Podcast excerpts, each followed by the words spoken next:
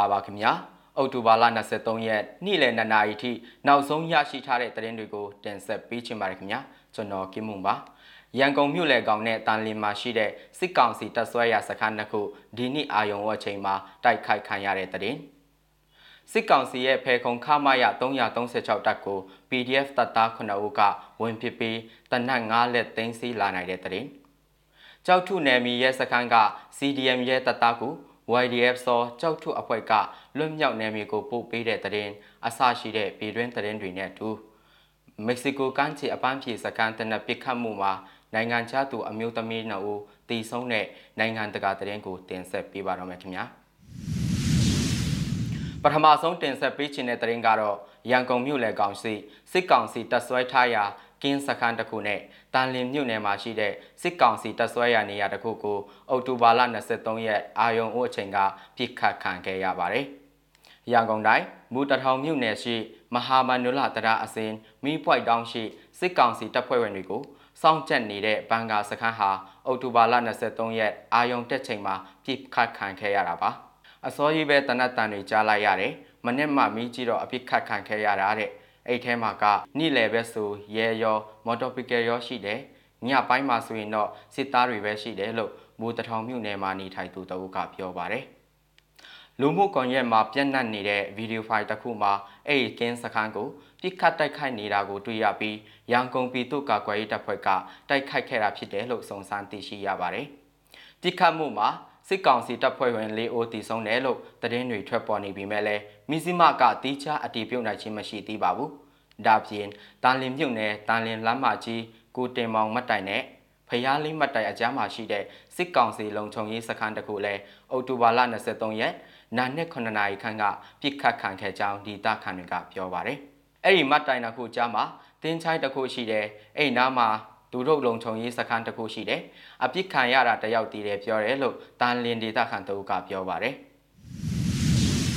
နောက်ထပ်တင်ဆက်ပေးခြင်းတဲ့သတင်းကတော့ရှမ်းပြည်နယ်တောင်ပိုင်းဖေခုံမြို့မှာရှိတဲ့အကျန်းဖက်စစ်ကောင်စီရဲ့ချီမြန်တပ်ရင်းခမရ336တပ်ဝန်းအနောက်ဘက်ဂိတ်ပေါက်ကိုပြည်သူ့ကာကွယ်ရေးတပ်သား9ဦးကဝင်ရောက်ပစ်ခတ်ခဲ့ပြီးစစ်တပ်ဘက်ကမောင်းပြန်တဲ့နဲ့ငားလက်သိမ်းဆည်းလာနိုင်ကြောင်းဖေခုံပြည်သူ့ကာကွယ်ရေးတပ်ဖွဲ့စီကသိရပါတယ်။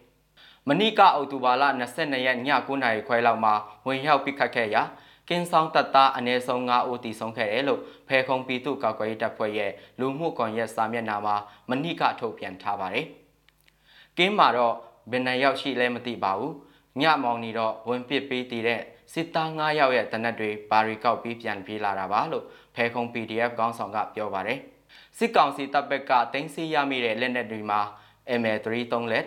ML1 တလက် ML2 တလက်ပါဝင်ကြောင်းဖဲခုံ PDF ကပုံနဲ့တကွထုတ်ပြန်ထားပါတယ်။သူတို့စီကရလိုက်တဲ့လက်နက်တွေကတော့အတော်ကောင်းတယ်ဗျ။ဒီဘက်မှာဒါမျိုးတလက်ဝယ်မယ်ဆိုရင်380လောက်တော့ပေးရမယ်လို့ဖဲခုံ PDF ကောင်းဆောင်ကပြောပါတယ်။စစ်ကောင်စီတပ်ဝန်ကင်းအဖွဲ့ကိုဝင်ရောက်ပစ်ခတ်သူခဏအိုးမှာမောင်းပြန်တလက်တာပါဝင်ပြီးအားလုံးအထိအခိုက်မရှိစုခွာနိုင်ကြောင်းသူကဆိုပါတယ်။ ညကလေးကကျွန်တော်တို့ရဲဘော်တွေဘီကင်းရာရောက်နေပါပြီဒီလိုမျိုး9ယောက်လောက်နဲ့စစ်တပ်ထဲကိုတွားပစ်တယ်ဆိုတာတော်တော်ရှားပါတဲ့ဖြစ်စဉ်မျိုးဖြစ်လိမ့်မယ်ဒီလိုမျိုးတပ်ထဲကိုဝင်ပစ်ပြီးလက်နက်ပါရအောင်ယူလာနိုင်တာဆိုတာတော့တော်တော်ရှားပါတဲ့ဖြစ်စဉ်မျိုးဖြစ်လိမ့်မယ်ဆွန့်လွတ်ဆွန့်စားရတဲ့စိတ်ဓာတ်ပေါ့ဗျာ9ယောက်လုံးတောင်လက်နက်အပြည့်စုံမပါပါဘူးမောင်းပြန်ကောင်းကောင်းလေးတစ်လက်လောက်ပဲပါတယ်ရန်သူအလင့်ငိုက်ကိုဖမ်းပြီးလှုပ်ရတာဖြစ်တောင်းဖြစ်ခဲပါပဲလို့သူကပြောပါတယ် ဖဲခုံမြို့မှာစစ်စင်ရေးကွက်ကဲမှုဌာနချုပ်အမှတ်9ခမာယ336ခမာယ421 420တို့ဟာမြို့တချမ်းစာနေရာယူထားတဲ့အင်အားအလုံးအရင်ချထားတဲ့တပ်တွေဖြစ်တယ်လို့ဒီတာခန်တွေစီကနေသိရပါတယ်။ပြစ်ခတ်မှုပြီးတဲ့နောက်မှာစစ်ကောင်စီတပ်ဘက်ကအနီးဝန်းကျင်တောထဲကိုလက်နက်ကြီးလက်နက်ငယ်တွေနဲ့အဆက်မပြတ်ပစ်ခတ်ခဲ့တယ်လို့သိရပါတယ်။ အဲ့ဒီနောက်မှာမြို့ပေါ်ရက်ကွက်တွေကိုလက်နက်ကြီးနဲ့အချက်30ခန်းည2နာရီဝန်းကျင်ချိန်ထိအဆက်မပြတ်ပစ်ခတ်ခဲ့တယ်လို့ဒီတာခန်တွေကပြောပါတယ်။သူ့လူတွေတည်သွားတယ်လက်နက်တွေပါသွားတယ်ဆိုတာသိတော့သူတို့အပြင်လဲမထွက်ရဲတော့ဘူးမြို့ပေါ်ကိုလက်နက်ကြီးနဲ့ပစ်ကြတာပါမိကြီးတွေကိုတောင်အောင်ပစ်နေတာလူတွေလည်းတညလုံးမအိတ်ကြရဘူးအိမ်တွေလည်းပျက်စီးကုန်တာတော်တော်ရှိတယ် ဈေးရှိဈေးနောက်ညောင်ပင်သားအဲ့ရက်ွက်တွေထဲကိုကြတာလို့ဒီတာခန်တို့ကပြောပါတယ်စစ်ကောင်စီတပ်ဘက်ကပြစ်ခတ်မှုကြောင့်အယက်သားထိခိုက်ဒေဆုံးမှုရှိမရှိကိုဆက်လက်စုံစမ်းနေဆဲဖြစ်ပါတယ်ခင်ဗျာမူပြဲဖဲကုံကုန်းတာဒီမော့စုဒီဘက်ကတိုက်ပွဲတွေမှာတော့စစ်ကောင်စီဘက်ကအတော်ထိနာပါတယ်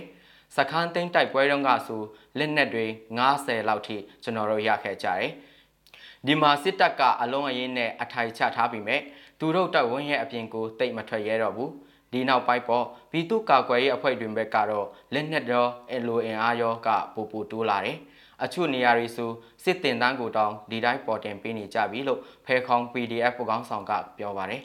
စစ်အာဏာသိမ်းပြီးနောက်ရှမ်းကယားနယ်စပ်ဒေသဟာစစ်ကောင်စီတပ်သားများနဲ့ပြည်သူ့ကာကွယ်ရေးတပ်များထိတွေ့တိုက်ပွဲဖြစ်ပွားများပြားရာဒေသတစ်ခုဖြစ်ပြီး PDF အဖွဲ့တွေကနေမီစိုးမှုမှုများလာကြောင်းသိရပါတယ် ဆက်လက်ပြီးတော့မကွေးတိုင်းဒေသကြီးကံကောခရိုင်စောမြို့နယ်ကြောက်ထုနယ်မြေရဲစခန်းကအကြမ်းမဖက်အာဏာဖြေဆိုင်ရေးလှုပ်ရှားမှု CDM ပြုတ်လုလာတဲ့ရဲတပ်သားကောင်းထက်ကျော်ကိုဒီနေ့အောက်တိုဘာလ23ရက်မှာလွတ်မြောက်နယ်မြေကိုဘေးမတီရမခပို့ဆောင်ပေးခဲ့တယ်လို့ရောဒီတာကကွယ်ရေးတပ် YDF စောကြောက်ထုအဖွဲ့စီကသိရပါတယ်။အဲ့ဒီရဲတပ်သားဟာ ပြီးခဲ့တဲ့အောက်တိုဘာလ23ရက်ညပိုင်းမှာ CDM ပြုတ်လုပ်ပြီး YDF စောကြောက်ထုအဖွဲ့စီကိုလာရောက်ခိုလုံခဲ့တာဖြစ်ပါတယ်။နောက်နောက်မှာစစ်လက်နက်အပြည့်စုံနဲ့တကွ YDF စောကြောက်ထုအဖွဲ့စီကိုဝင်ရောက်လာပါကထိုက်တန်တဲ့စုကြီးငွေကိုပေးအပ်ပြီးတော့အခုလိုလွတ်မြောက်နေမည်တော့မဟုတ်ပြည်ပနိုင်ငံကိုရောက်ရှိအောင်ပို့ဆောင်ပေးသွားမယ်လို့ရောဒီတာကောက်ွယ်ရေးတပ်ကကြေညာထားပါတယ်။အကြမ်းဖက်စစ်ကောင်စီနဲ့လမ်းခွဲပြီးပြည်သူလူထုနဲ့ပူးပေါင်းလာတဲ့ တပ်မတော်သားတွေနဲ့ရဲတပ်ဖွဲ့ဝင်တွေရဲ့အကျိုးခံစားခွင့်ကိုပင်စင်အထိပါတာဝန်ယူမယ်လို့အမျိုးသားညီညွတ်ရေးအစိုးရ NUG ကပြီးခဲ့တဲ့ဩဂုတ်လ23ရက်နေ့မှာကတိပြုကြေညာထားပါတယ်။နိုင်ငံတကာသတင်းအနေနဲ့မက္ကဆီကိုကမ်းခြေအပန်းဖြေစခန်းတနက်ပစ်ခတ်မှုမှာနိုင်ငံခြားသူအမျိုးသမီးနှစ်ဦးတည်ဆုံတဲ့သတင်းကိုလည်းတင်ဆက်ပေးချင်ပါတယ်။မက္ကဆီကိုနိုင်ငံကာရစ်ဘီယန်ကမ်းခြေအပန်းဖြေစခန်းကစားတောက်ဆိုင်တစ်ခုမှာ တန်တရားဖြစ်ပွဲဒုစရိုက်ဂိုင်းဝင်အချင်းချင်းပြစ်ခတ်မှုမှာနိုင်ငံသားသူအမျိုးသမီး2ဦးသေဆုံးပြီး3ဦးတရားရရှိခဲ့တယ်လို့အာဏာပိုင်တွေကအော်တိုဘာလ22ရက်ကြာသပတေးနေ့မှာထုတ်ပြန်ပြောဆိုခဲ့ပါတယ်။သေဆုံးခဲ့တဲ့အမျိုးသမီး2ဦးဟာဂျာမနီနဲ့အိန္ဒိယနိုင်ငံသူတွေဖြစ်ပြီးဒဏ်ရာရသွားသူတွေကတော့ဂျာမနီနဲ့နယ်သာလန်နိုင်ငံတွေကဖြစ်တယ်လို့ကွင်တနာရူပြည်နယ်ခရိုင်ရှေ့နေချုပ်ရုံးကဆိုပါတယ်။စင်းပြရောင်ရေပြင်တွေနဲ့ရှေးဟောင်းမာယာလူမျိုးတွေရဲ့မြို့ပြအပျက်စီးတွေကြောင့်နာမည်ကျော်တဲ့တူလွန်မြို့ဟာ နိုင်ငံရဲ့ထိပ်တန်းကမ္ဘာလက်ခီးတဲ့စုံမှတ်ဖြစ်ပေမဲ့ပြိုင်ဘက်ဒုစရိုက်ဂိုင်းတွေအကြားနယ်မြေလူစစ်ပွဲကြောင့်ခြောက်ခြားခဲ့ရပြီဖြစ်ပါတယ်။ကနဦးစုံစမ်းစစ်ဆေးမှုတွေအရဗိုလ်ထူးနေ့ညပိုင်းကပြစ်ခတ်မှုဟာမူရစေးရောင်းဝယ်မှုနဲ့ပတ်သက်ပြီးဒုစရိုက်အဖွဲ့နှစ်ခုကြားကတိုက်ပွဲတစ်ခုဖြစ်ပါတယ်လို့ခရိုင်ရှိနေချုပ်ရုံးက၎င်းရဲ့ထုတ်ပြန်ချက်မှာဖော်ပြထားပါတယ်။တေဆုံးခဲ့သူနှစ်ဦးအနက်တဦးကအခင်းဖြစ်နေရာမှာတင်တေဆုံးခဲ့တာဖြစ်ပြီးတဦးကတော့ဆေးရုံရောက်မှတေဆုံးခဲ့တာဖြစ်တယ်လို့ဆိုပါတယ်။ တေဆုံးသွားသူတွေဟာဒုစရိုက်သမားတွေနဲ့ဆက်နွယ်မှုရှိတာမတွေ့ရကြောင်းအပြန်အလှန်ပြစ်ခတ်မှုကြားမှာညက်သွားတာဖြစ်ကြောင်းတနတ်သမားတို့ကိုဖမ်းဆီးနိုင်ခဲ့ပြီဖြစ်ကြောင်းတူလွန်မြို့တော်ဝင်မာဆီယာနိုဒီဇူးကမိုင်လနီယန်ရုပ်တံကိုပြောကြားခဲ့ပါတယ်။တူလွန်မြို့ဟာမူရစေးရောင်းဝယ်မှုနဲ့ချင်းချောက်ငွေညှစ်မှုတွေလှုပ်ဆောင်တဲ့ပြိုင်ဘက်ဒုစရိုက်ဂိုင်းတွေရဲ့အကြမ်းဖက်မှုတွေကိုအကြီးအကျယ်ရင်ဆိုင်နေရတယ်လို့မြို့တော်ဝင်ဒီဇူးကဝန်ခံပြောကြားခဲ့ပါတယ်။ မက္ကဆီကိုနိုင်ငံဟာမူရဂိုင်းအချင်းချင်းသွေးချောင်းစီးတိုက်ပွဲတွေနဲ့အကျက်ဆိုင်နေတဲ့နိုင်ငံဖြစ်ပြီး2006ခုနှစ်ကစလို့အစိုးရကစစ်တပ်ကိုတုံးပြီးမူရတိုက်ပြရေးစစ်ပွဲဆင်နွှဲခဲ့ပြီးနောက်ပိုင်းလူ3သိန်းကျော်တေဆုံးခဲ့ပြီးဖြစ်ကြောင်းသိရှိရပါတယ်။ဖြစ်စဉ်နဲ့ပတ်သက်လို့တူလွန်မြို့တော်ဝင်မာဆီယာနိုဒီဇူးကာအာမဲလ်ကအခုလို Yo ပြော creo que ကြား sí, ခဲ့ပါ son တယ် temas, son temas de, pues de la delincuencia organizada que, pues de alguna ဒါတွေဟာအချင်းချင်းပိုင်နဲ့နယ်မြေအတွက်တိုက်ခိုက်ဖို့ကြိုးစားတဲ့အုပ်စုဖွဲ့ကျူးလွန်တဲ့ရာဇဝတ်မှုတွေပဲလို့ကျွန်တော်ယူဆပါတယ်။ဒါပေမဲ့အခုဖြစ်စဉ်နဲ့ဘာမှပတ်သက်မှုမရှိတဲ့လူနှုတ်ကိုထိခိုက်သွားခဲ့ရတယ်။တိတ်ကိုကန်ဆိုးတဲ့အဖြစ်ပါပဲ။တူလုံမျိုးမှာဒီလိုအကြမ်းဖက်မှုမျိုးကိုစုစည်းညီညွတ်မှုရှိရှိနဲ့တံပြန်တိုက်ဖြတ်ဖို့လုပ်ကိုလုပ်ရပါမယ်။ညှိနှိုင်းမှုလုံးဝလုပ်မထားသလိုကျွန်တော်တို့ဘက်ကလှုပ်ရှားရှိတာကိုပြက်ပြက်သားသားလှုပ်သွားမှာပါ။ မီဇီမာရဲ့အော်တိုဘာလ23ရက်နေ့လယ်2နာရီထိနောက်ဆုံးရရှိထားတဲ့သတင်းတွေကိုတင်ဆက်ပေးခဲ့တာပါမြန်မာပြည်သူပြည်သားအလုံးစိတ်အချမ်းသာခြင်းကိုယ်အချမ်းသာခြင်းနဲ့ပြည့်စုံကြပါစေခင်ဗျာ။